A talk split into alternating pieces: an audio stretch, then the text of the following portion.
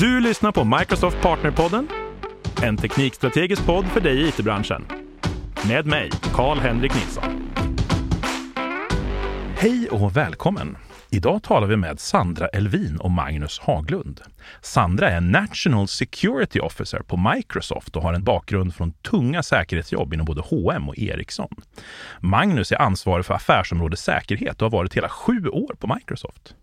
Välkommen Sandra och Magnus! Tack så mycket. Tack så jättemycket. Har ni haft en bra morgon denna dag till trots? Ja, men jag tror att det är den bästa morgonen den här dagen. Ja, definitivt. Sandra, jag tänker att vi börjar så här. Vad i hela friden gör en National Security Officer? Ja, vilken utmärkt fråga. Det frågar jag mig själv varje dag nästan.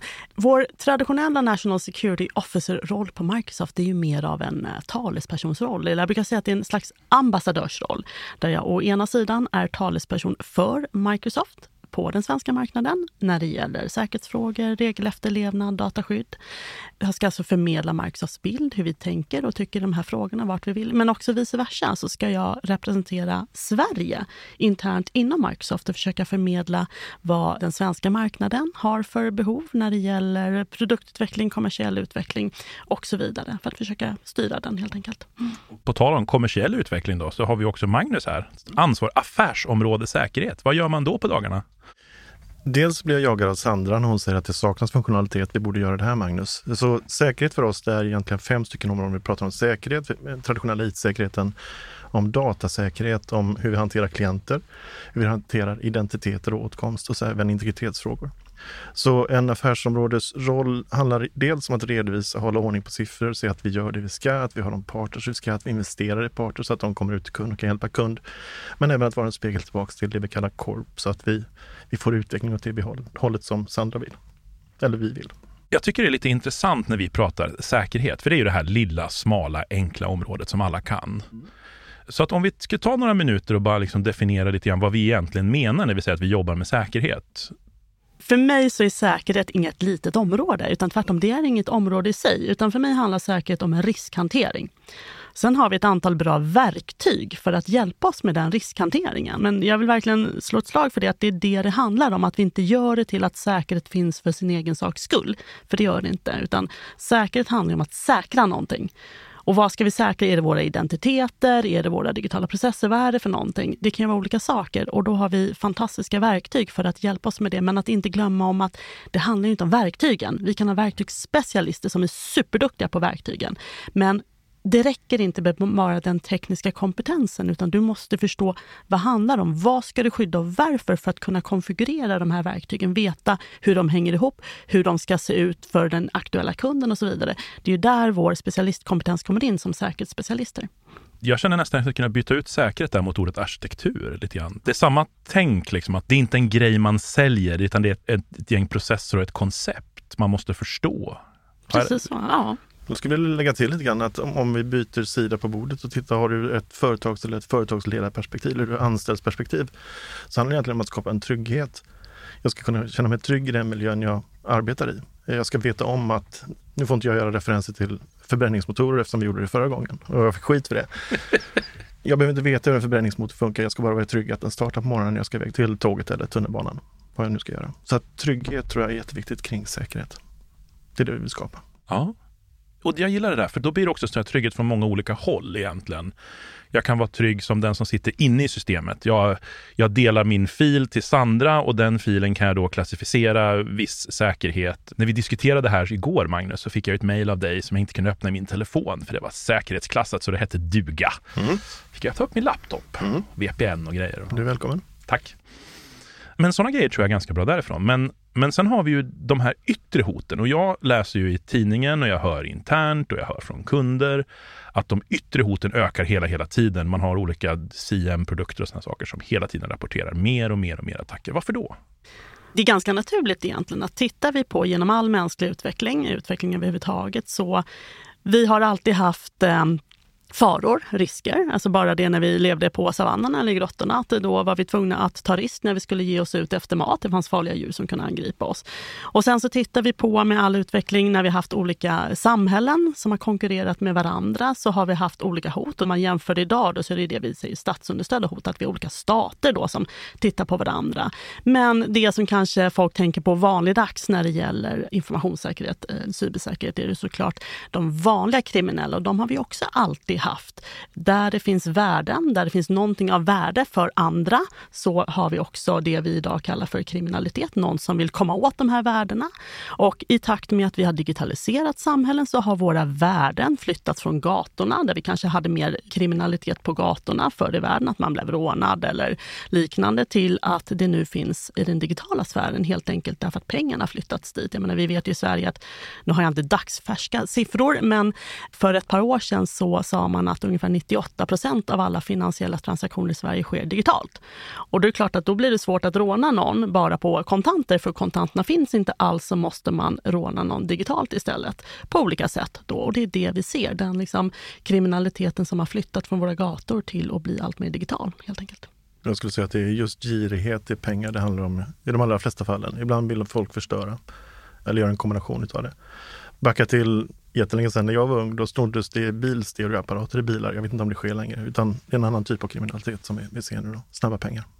Men då blir jag ju nyfiken, när ni pratar om vanlig kriminalitet, så här, pratar vi så här bank-id-bedrägerier, de här som ringer upp gamla människor? Eller menar ni liksom att så här, Vårbynätverket har ett eget hackergrupp som sitter i någon lägenhet någonstans och det är en kombination. Vi ser både vanlig bedrägeribrottslighet som är ganska vanligt ökande såklart, både mot eh, individer, alltså typ bank-id, men också mot, eh, vi pratar fakturabedrägerier mot företag är väldigt vanligt och kraftigt ökande fenomen. Men också att vi ser organiserad brottslighet som tidigare kanske ägnade sig bara åt trafficking, åt knarkhandel och så vidare, som nu har gett sig in på även eh, cyberbrottslighet om vi pratar, eh, det kan vara allt från överbelastningsattacker till mer vanligt och utpressningsattacker.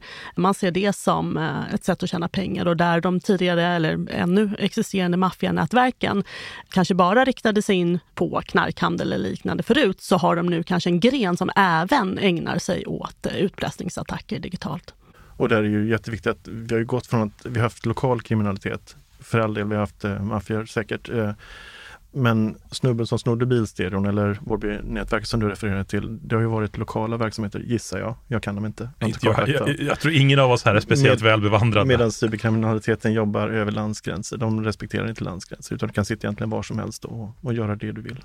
Och tittar vi på just de digitala brotten, en fördel de har för de här kriminella, det är ju att det är mycket svårare att lagföra. Att både att eh, identifiera den typen av brott eftersom att de ofta sträcker sig över nationsgränser, vilket gör att olika lagvårdande myndigheter har svårare helt enkelt att analysera, att följa upp spår, digitala spår, brottsspår och därmed att lagföra dem. Det är också svårare att veta kring jurisdiktion. Var begicks brottet? Vi har massa sådana eh, legala utmaningar. Vilket gör att det är ganska billigt eftersom att det är så låg risk att åka fast och bli lagförd för den typen av brottslighet. Därför blir de också attraktiva utöver eh, de faktiska liksom, värdena i brotten. Just det, som någon typ av kriminell ROI-beräkning. Absolut. Intressant. Riskaptit. Du nämnde ett annat ord där som jag ser i pressen ganska mycket. Du nämnde överbelastningsattacker, Sandra. Mm. Det har ju dykt upp otroligt mycket nu. Mm.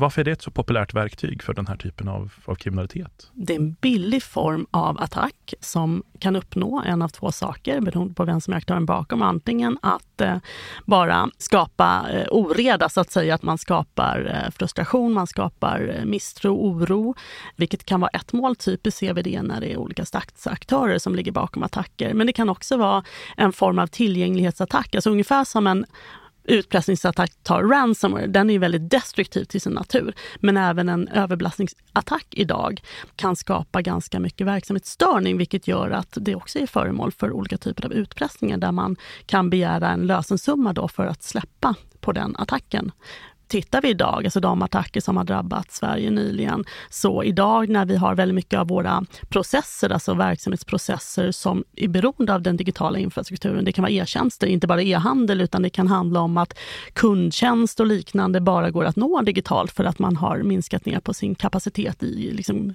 fysiska kundtjänstcenters och liknande. Det finns inte kanske telefoner eller kundcenter man fysiskt kan besöka på samma sätt längre. Eller det kan handla om att man ska checka in på sitt eh, flygplan flygplan och i princip nästan bara kan göra det digitalt. Åker man till flygplatsen och försöker så är kapaciteten begränsad, långa köer, man kanske missar sitt plan och så vidare. Vilket gör att verksamheter kan vara benägna att vilja betala då för att se till att tillgängligheten är god. Och därför riktar man sig in på att ja, helt enkelt attackera dem. Överbelastningsattacker, det här är ju ändå en teknisk podd. Vi kan ju säga det är också det som går under det allmänkända namnet DDoS-attacker. Ja. Kan vi göra en teknisk definition av vad en DDoS-attack är?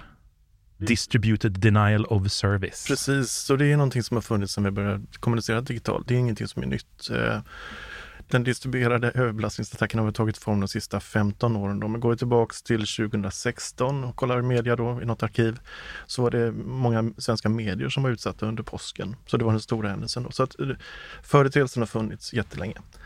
Det finns väl i stort tre typer av eh, överbelastningsattacker där vi går antingen på volym där vi tar så mycket vi bara kan. Vi riktar in oss på en kunds miljö eller så går vi specifikt mot en unik tjänst eller applikation. Arkitekturen bakom är ganska snarlik. Det handlar om att vi vill blockera dörren så att andra inte kan komma in till butiken eller till tjänsten, kunna nå applikationen. Man kan säga att det är sällan de är destruktiva. De skapar oreda just då. De lever så länge det finns pengar kvar på kontot som man köper tjänsten ifrån. Eh, man drar ett kreditkort till ett datacenter eller någonting annat och när, när tiden är slut så är tiden slut. Den kan användas för att flytta fokus för en organisation. Så att när jag har mött dem tidigare så har det ofta handlat om en, vid en incident att då har överbelastningsattacken varit någonting vi skramlar på framsidan på butiken så att vakterna springer dit och sen så letar man efter en öppen dörr på baksidan. Det vi har sett här senast i Sverige har väl mer varit djävulskap på svenska. Man har varit där och klottrat med vattenfärg och sen så när pengarna var slut så har det varit över. Då. Om vi delar upp dem i två delar. Vi har en typ av attack som går på nätverkslager, lager 3, lager 4 i huvudsak, där vi egentligen vill tynga ner ett system. Det är ett kalassätt att förstöra för en kommun som har en skola. Jag sitter i skolan och kör World of Warcraft mot ett annat team sitter någon annanstans och så drar jag 10 dollar på ett kort för att sänka motståndarnas eh, miljö. Och så tar man med sig kommunens internetlina på vägen hos motståndarna. Och sen har vi de som går på applikationsnivå och det är väl egentligen där som vi skiljer oss åt lite grann i vad vi erbjuder ut mot kund. Vi har det grundläggande Layer 3, Layer 4 stödet är en del utav Microsoft 365 av Azure och av Xbox. Alltså vi har ju de här attackerna hela tiden. Jag tror vi Ja, hur vanligt är egentligen den här typen Ja, av men vi attacker? kommer närma oss en miljon attacker i år som vi mitigerar. Så någonstans 2000 om dagen hanterar vi dygnet runt över hela världen. Det är ju lika vanligt som en höstinfluensa. Fast varje dag. Ja, Ja.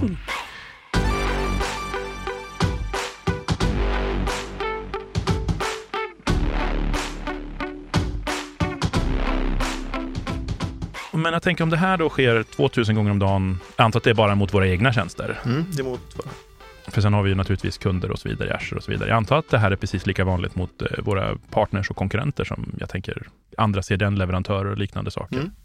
Absolut. Vad gör vi för att skydda oss då? Ska jag börja? Ja, börjar du. Ja, okej. Så vi har ju en basinfrastruktur, CDN, som du pratar om, Content Delivery Networks, där vi kan ta emot otroligt stora mängder trafik. Och vi, efter AT&T så är vi ju störst i världen på den typen av teknologi. Så vi kan svälja ohemult stora mängder datatrafik, eller paket, eller instruktioner eller förfrågningar. Det här använder vi för att skydda våra miljöer och även kunders miljöer. Det var en, säg att vi lägger upp en server i Azure som vi vill publicera någonting. Då finns det ett basskydd där. Och det gör de allra flesta leverantörerna. Vi har valt att inte gå ut till slutkund och sätta det ute hos företagets lokala infrastruktur, utan vi vill ha det i Azure, för det är där som vi ser all trafik. Det intressanta här är ju att Förra gången så pratade vi om någonting som heter Intelligent Security Graph som tar in en otroligt massa information varje sekund. Det som är intressant här är att vi jobbar jättemycket med trender, tendenser och maskinlärande. Så när vi ser en ny typ av attack eller en ny vinkling på en attack så kan vi applicera ett skydd för alla kunder som finns i Azure eller i 365 direkt. Och sen lägger vi också till funktionalitet så att vi kan lägga ett skydd på applikationsnivå. Vi kan lägga till extra firewalls och så vidare för att skydda kundens specifika miljö.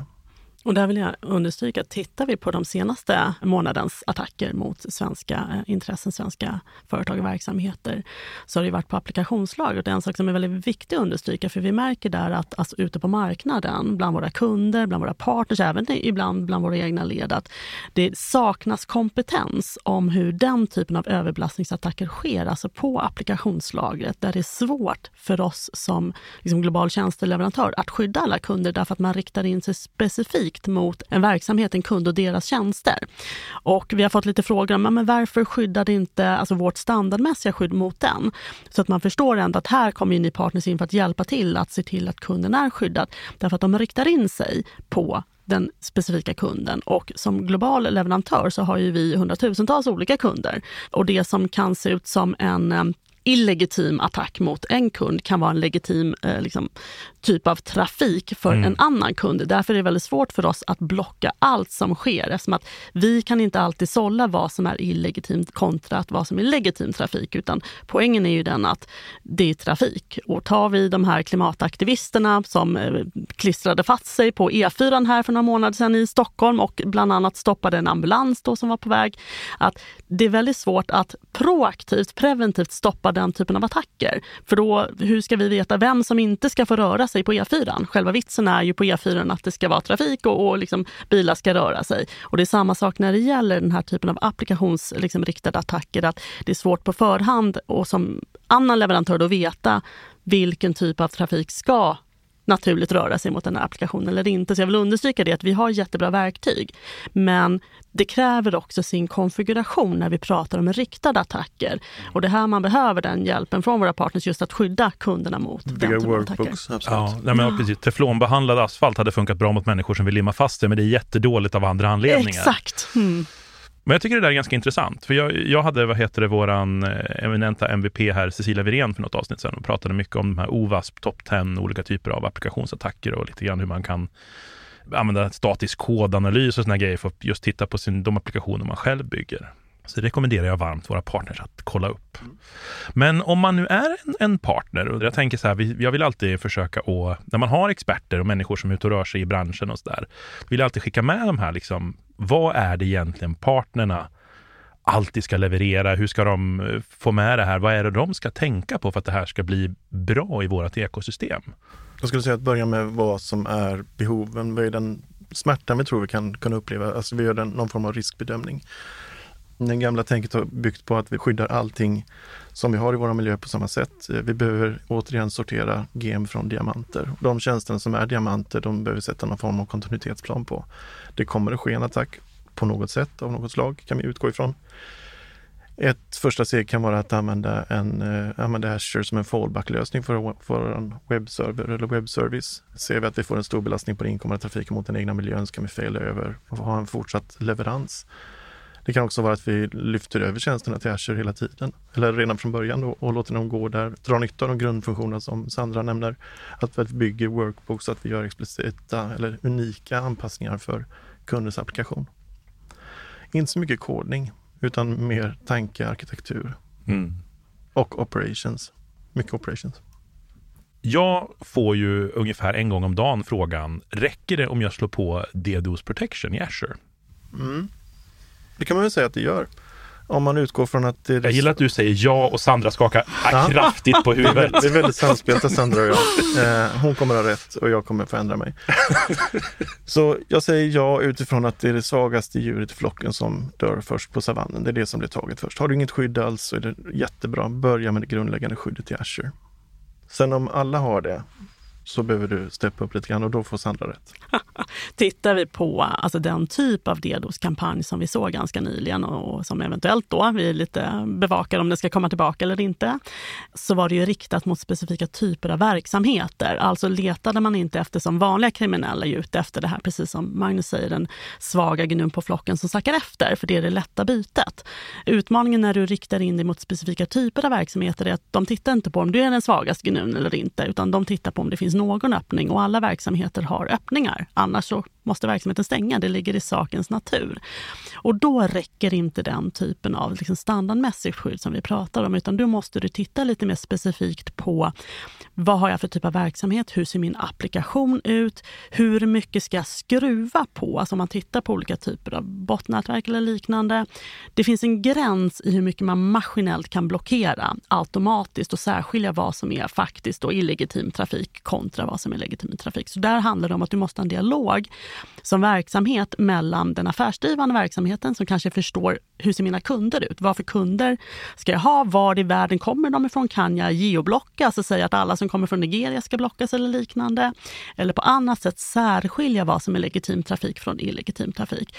Och sen handlar det alltid om att det blir en balans mellan risken för att felaktigt blockera en legitim kund kontra risken att släppa fram för mycket attacker, attacktrafik så att säga. Och om du då väljer att lägga dig på att ja, men jag vill inte riskera att blockera en legitim kund och kanske acceptera lite attacktrafik som kommer igenom, så måste du såklart säkerställa att du har kapacitet i bakändan att hantera det. Och inte bara i frontänden, utan det typiska som vi ser i den här typen av attacker är att man verkligen riktar in sig på, läser av hur den applikationen man attackerar ser ut, eh, hur vilka processer de är för att se var i bakändan finns det en kapacitetsbrist så att säga. Och det är där man, man ger sig på för att skapa oreda då helt enkelt för själva syftet med attackerna är ju oftast att du vill ha en verksamhet som står still. Annars har du inte uppnått ditt syfte. Ja, precis. Ännu en anledning till att inte ha öppna HTTP-endpoint för sin backend. Bland annat, ja. Men det går väl tillbaka till arkitekturen alltihopa skulle jag säga. Du behöver veta vad dina diamanter är. Du behöver mm. veta vad det är du vill skydda och sätta någon form av så här mycket risk jag är beredd själv att acceptera, det här är kostnader jag vågar, vågar ta. Om vi går från det grundläggande skyddet som finns i Azure kring DDoS Protection som tjänsten heter och går till den som är mer partner eller kundmanagerad. Då finns ju de större verktygen att göra de bättre workbooksen. Och den levereras ju dessutom som ett fast pris. Så att vi köper, säg 100 IP-adresser vi vill skydda i Azure, publika IPv4 eller IPv6-adresser. Och skulle det vara låg trafik så betalar jag ett pris. Skulle det bli otroligt hög trafik så betalar jag samma pris. Så att vi tar den kosten och när det sker så har man även som kund eller partner möjlighet att trycka på en knapp och få specialisthjälp då. Det är ju väldigt trevligt. Jag måste få ställa en lite så sidofråga bara. För ni nämner ju liksom att man köper det här med ett kreditkort upp från datacenter. Nu ska vi se här. 2016 tror jag det var. Då var jag i Ukraina och var på en IT-konferens där då en kille visade att nästan alla spamservrar i världen, eller väldigt, väldigt många spamservrar i världen gick på badrumsvågar. Ja. Och pratar vi DDoS-attacker, nu har inte jag dagsfärsk information igen, men jag vet att för ett par år sedan så var det mycket Microtech-rotrar, alltså hemmarotrar, ganska många i Brasilien bland annat, som tillhör vanliga privatpersoner, inte ett ont anande, men som tas över av botnät och riktar in sig, vilket också är en del av förklaringen varför det är så svårt att skydda sig. För att om vi tar de här då som kanske privatpersoner, det kan vara även hemma i Sverige som har någon hemmaroter någonstans eller en brödrost eller en badrumsvåg som är uppkopplat. Kanske alltså, jag känner nog 25 personer som äger mikrotikroutrar. Exakt, och så är de infekterade utan eller liksom övertagna av ett botnät utan att de vet det. Och å ena sidan, ena dagen eller samma dag då, så ska man betala räkningar, gå upp mot sin internetbank och sen två timmar senare så eh, ingår den i ett botnätverk som attackerar samma bank. Vad gör banken då? Hur ska man skydda sig? Det är till synes samma typ av trafik från samma typ av privatperson. Men det är syftet som skiljer sig åt. Och hur digitalt kan du avläsa syfte? Det är jättesvårt. Det är inte så att det finns en skadekod någonstans du kan blockera, liksom identifiera och blockera. Nej. Det är det som gör överbelastningsattacker så svåra att skydda sig mot. Det här är en jättebra övergång till ett annat avsnitt som kommer handla om IoT. Jag hoppas att vi tar en sån. Vi ser ju ett, hakar upp min badrumsvåg, jag vet inte varför du skulle göra det mot internet, så blir den ju smart. En smart mm. det vet alla. Vi kommer närma oss 40 miljarder smarta IoT-enheter eller OT-enheter som internet exponerar nu under året som går. Där vi är idag så vet vi att ungefär en tredjedel av dem har bristfällig firmware med skadlig kod inbäddad eller de är inte uppdaterade som de ska. Så att, att ragga ihop en miljon apparater som gör ett nedslag på din webbplats. Där, nej, nej. Jag vill inte göra det, men den som gör det är förmodligen beredd att dra ett kreditkort och betala 30 dollar för den tjänsten under en timme. Ja, intressant. det, det ska definitivt bli ett sånt avsnitt framgent. Eh, jag kommer ju själv från IoT-sfären en gång i världen och jag har åsikter om modern hårdvaruutveckling kan man väl säga när det kommer till säkerhet. Men Vi har ju pratat lite grann om att säkerhet liksom är en del egentligen av arkitektur. Jag tycker jag får den bilden ifrån er att när vi hjälper våra kunder, när våra partners hjälper våra kunder, då är säkerhet har inte varit optional på oerhört länge. Det kan vi väl vara överens om. Vad kan man få för hjälp av Microsoft? Mycket bygger på att jag som partner är intresserad av att röra mig in i det här området. Det må vara en unik kunskap just nu, men det kommer att bli stapelvara som så mycket annat har blivit i Microsoft 365 och i Azure. Det som var svårt blir någon form av stapelvara. Jag har nog börjat med Docs. Vi lägger med lite artiklar här till avsnittet tycker jag, så vi läser in oss på det. Vi lägger tio minuter på att förstå grundteknologin. Den är ju inbyggd i, vi lägger inte till någonting nytt, utan jag går in i min, min Azure-miljö och slår på en tjänst. Jag hade förmodligen gått till Microsoft Learn dessutom och spenderat, jag tror att kursen var, grundkursen i 37 minuter där för att förstå hur, hur jag ska konfigurera för att kunna ha ett samtal, eh, ett första samtal med kund. Sen är varje kunds miljö helt unik så det blir en arkitektuell diskussion. Handlar det bara om att ta www-webbplatsen och lyfta ut den, ja, men då är du klar efter de här 37 minuterna. Vill du ha en mer avancerad uppsättning så behöver du investera lite mer tid i det. Men det kommer vara en del av partners roll som personlig tränare för kund framöver att bära ut och säga att vi kan göra det här också. Och det är ganska mycket också ett skifte av share of wallet. Internetleverantörerna har traditionellt gjort det här på sin lina som går till kunden. nu ser vi att vi kan lyfta ut applikationer och där finns det ett partnerutrymme också. Kommer det komma någon lagstiftning mot det här? Kan staten göra någonting? Vi vet inte. Det är ett lagbrott att göra det. Jag, jag, det... jag tänkte säga det, det måste väl redan idag vara olagligt? Ja, men det är det absolut och det är upp till två års fängelse om vi kan hitta vem som gjorde det, vilket syfte var de satt och att vi kan bokföra dem där de är. Tar vi spamresan som var så var ju Sverige tillsammans med, jag tror det var Nordkorea först ut med att blockera port 25 utan autentisering då det begav sig. Nu får jag bara tomma ögon här. Nej, nej, jag kommer ihåg det här helt. Jag, jag drev, jag drev mailservrar som, som barn. IRC-servrar så, men jag tror inte att vi kan hitta att staten eller att myndigheterna kommer ta ansvar här, utan det finns ett infrastrukturellt ansvar. Vi behöver titta på trafiken på globala nivån. Men brottslingarna, för det är brottslingar som vi pratar om, de kommer hitta nya vägar att använda tekniken. Så jag tror inte att lagrummet kommer att hindra någon från att göra det här eller avskräcka. Nej, precis. Alltså om vi jämför det här med den analoga världen och så tänker vi oss att vi har olika verksamheter, de har sina kontor, de kanske har reception där man kan komma in och så vidare. Det är lite samma sak där, att vi har ju satt upp väldigt många verksamheter. Antingen att du har någon typ av passersystem eller liknande, eller du kanske till och med har väktare för att passersystemet räcker inte. Det kan bli lite allmän störande av ordning som formellt är ett brott, men polisen räcker inte till att bevaka varenda kontor som finns och, och kundmottagning, utan där måste man förlita sig på som verksamhet att man ja, helt enkelt de här vardagsbrotten lite grann själv också. Och det är det samma jag tror att vi ser här, är att det kommer bli jättesvårt, även med liksom de bästa intentioner för en statsmakt, en myndighet, att helt ta hand om det här. Utan som verksamhet måste man acceptera att man måste skydda sig själv lite grann. Det låter som att du tycker att det här är lite av en hygienfråga. Ja, man faktiskt. lämnar inte dörren olåst. Ja, exakt. Mm. Om ni skulle lämna våra partners med en liten brasklapp så här. Kommer man, genom att man bara är en liten användare, en liten kund, kommer man klara sig från DDoS-attacker? Är man trygg? bara på obscurity? Nej. Nej, såklart inte. Det kommer att ske en attack? Ja. Alltså DDoS eller någon annan form av angrepp, det är igen då den svagaste, den gnun sa du va? Ja. ja. Vad hemskt. Men det svagaste djuret i flocken, är du den som riskexponerar dig av medvetet eller omedvetet så riskexponerar dig, det är inte svårare än så.